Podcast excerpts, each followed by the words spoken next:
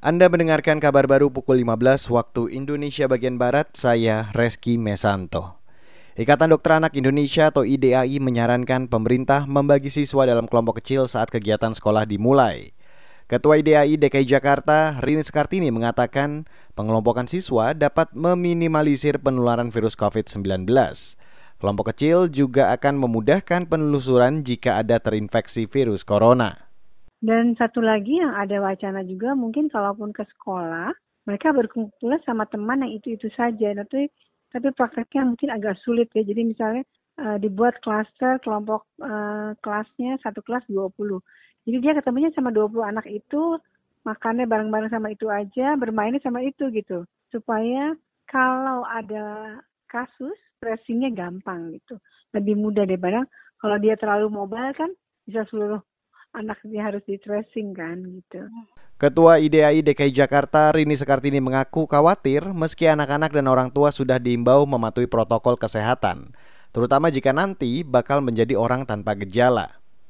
Pasalnya, orang tanpa gejala ini berpotensi menularkan virus pada orang lain. Ikatan Dokter Anak Indonesia atau IDAI menyarankan pemerintah tidak membuka sekolah hingga Desember 2020 karena hingga kini kasus konfirmasi positif COVID-19 masih terus bertambah. Saudara Bupati Melawi, Kalimantan Barat, Panji dan keluarga dinyatakan positif COVID-19. Panji mengungkapkan istri, ketiga anak, ibu mertua serta satu di antara menantunya yang merupakan dokter umum di RSUD Melawi juga terjangkit virus corona. Hal itu disampaikan Panji setelah gugus tugas COVID-19 Melawi mengumumkan penambahan 6 kasus konfirmasi positif di sana.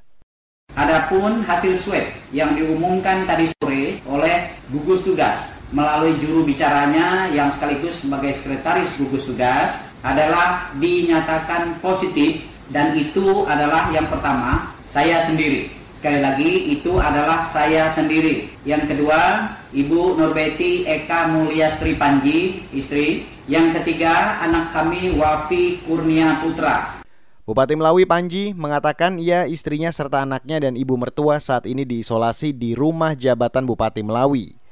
Sedangkan seorang anak dan menantunya di rumah masing-masing. Isolasi dilakukan mengikuti protokol ketat penanganan COVID-19. Data Dinkes Kalbar hingga pagi tadi kasus positif COVID-19 mencapai 196, sementara jumlah PDP 102, 55 orang sembuh serta ODP mencapai 13.000 lebih. Kita beralih ke kabar dari mancanegara, Presiden Amerika Serikat Donald Trump mengancam akan mengerahkan ribuan tentara dan aparat kepolisian untuk mencegah aksi demo yang digelar untuk memprotes kematian George Floyd, korban rasisme yang dilakukan seorang polisi di Minneapolis. Dalam keterangannya seperti dikutip CNN, Trump mengatakan pengerahan bakal dilakukan untuk menghentikan kerusuhan, penjarahan, perusakan, penyerangan, dan perusakan properti. Meski begitu, Trump juga akan memastikan keadilan bagi George Floyd dan keluarga. Demikian kabar baru KBR, saya Reski Mesanto.